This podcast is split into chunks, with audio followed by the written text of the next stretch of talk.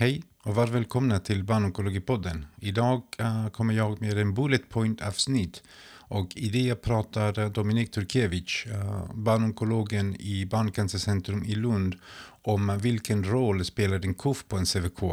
Jag hoppas att ni hittar det uh, intressant. Välkomna och vi hörs i ett annat avsnitt.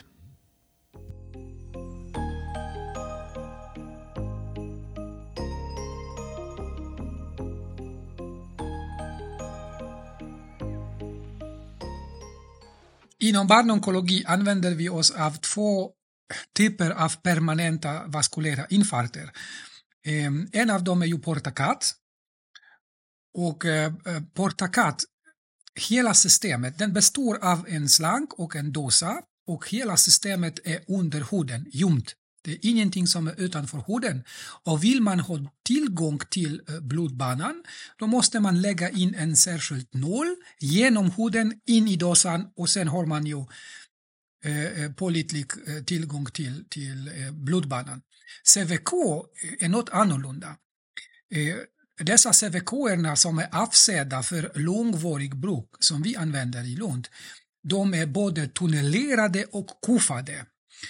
Och då innebär detta att ehm, eh, slangen är oftast inlagd via mm, eh, en kärl på halsen. Men eh, CVK kommer inte ut ur kärlet direkt ovanpå huden utan först löper den i en speciell tunnel eh, gjort av narkosläkarna som lägger in sådana här eh, tunnelerade CVK som löper några centimeter under huden och sen kommer den ut från öppningen så att den syns på huden.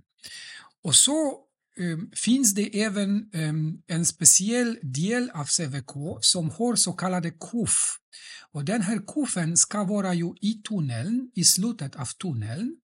Och den är gjord av en speciell material som stimulerar ärrbildning. Så att direkt efter inläggning är det ju stegn som håller CVK i plats, alltså på plats.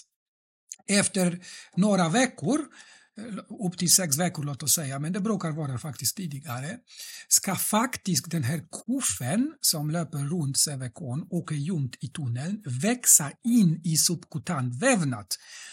Och så att nu är det ju kuffen som håller eh, CVKn på plats så att stegen egentligen behövs inte längre. Man kan ta bort dem. Och så är det kuffen som håller um, um, slangen på plats. Men inte nog med det, så kuffens roll är inte för att uh, fästa eh, CVK i kroppen, det är också för att minska risken för infektion. På grund av att utan kuff är ju risken större att hudbakterier glider längs ehm, kateter på kateterns yta in i subkutant vävnad och orsakar infektion i tunneln. Och då dessvärre om det inträffar en sådan mjukdelsinfektion runt katetern i den här tunneln um, katetern löper igenom, då måste vi dessvärre avlägsna katetern. Man kan inte eh, bota en sån infektion egentligen per permanent. Eh, och den här eh, kuffen också minskar risken för en mjukdelsinfektion i, i tunneln kateterläppen. minskar, varför minskar det risken? För att det blir en tight barriär som gör att äh, bakterierna kan inte ta sig igenom längs, vandra längs kateter på ytan och bilda biofilm och sånt. För den är så pass äh, tight att den blockerar tillgång till tunneln kan man, kan man liksom eh, kanske föreställa sig för bakterierna. Bra!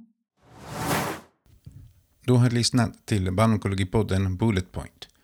Tills eh, nästa avsnitt, tack och vi hörs.